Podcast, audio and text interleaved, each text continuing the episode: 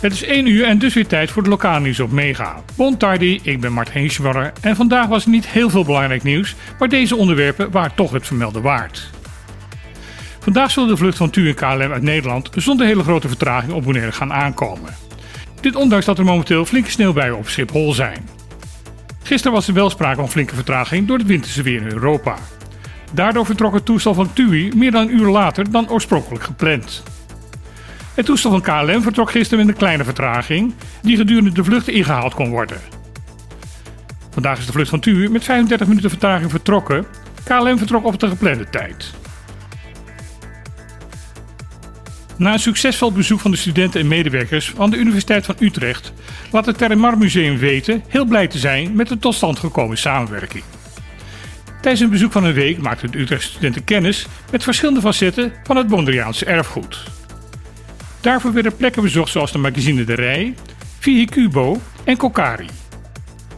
Ook was er een intensief contact met de vertegenwoordigers van de Mondriaanse gemeenschap. Het is de bedoeling dat de studenten nu verder onderzoek gaan doen naar de onderwerpen en objecten die door de lokale gemeenschap zijn gekozen om het Bonaireaans erfgoed te vertegenwoordigen. Hier moet een reizende tentoonstelling uit voort gaan komen over de rijke culturele geschiedenis van Bonaire. Door de samenwerking met de Universiteit van Utrecht en het Archeologisch Instituut van Bonaire hoopt het museum de gemeenschap op het eiland een diepe begrip van het eigen cultureel erfgoed te kunnen meegeven.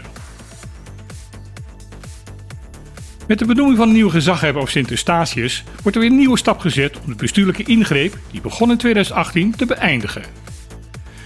Gisteren maakte staatssecretaris Alexander van Huffelen bekend dat deze benoeming in de eerste helft van dit jaar gaat plaatsvinden.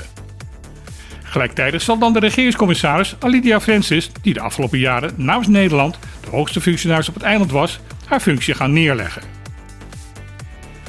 Na het opnieuw installeren van de eilandsraad voor staatsjaar, de teruggaan van het budgetrecht aan deze nieuwe raad is dit de op één laatste stap voor het volledige herstel van de democratie op het eiland.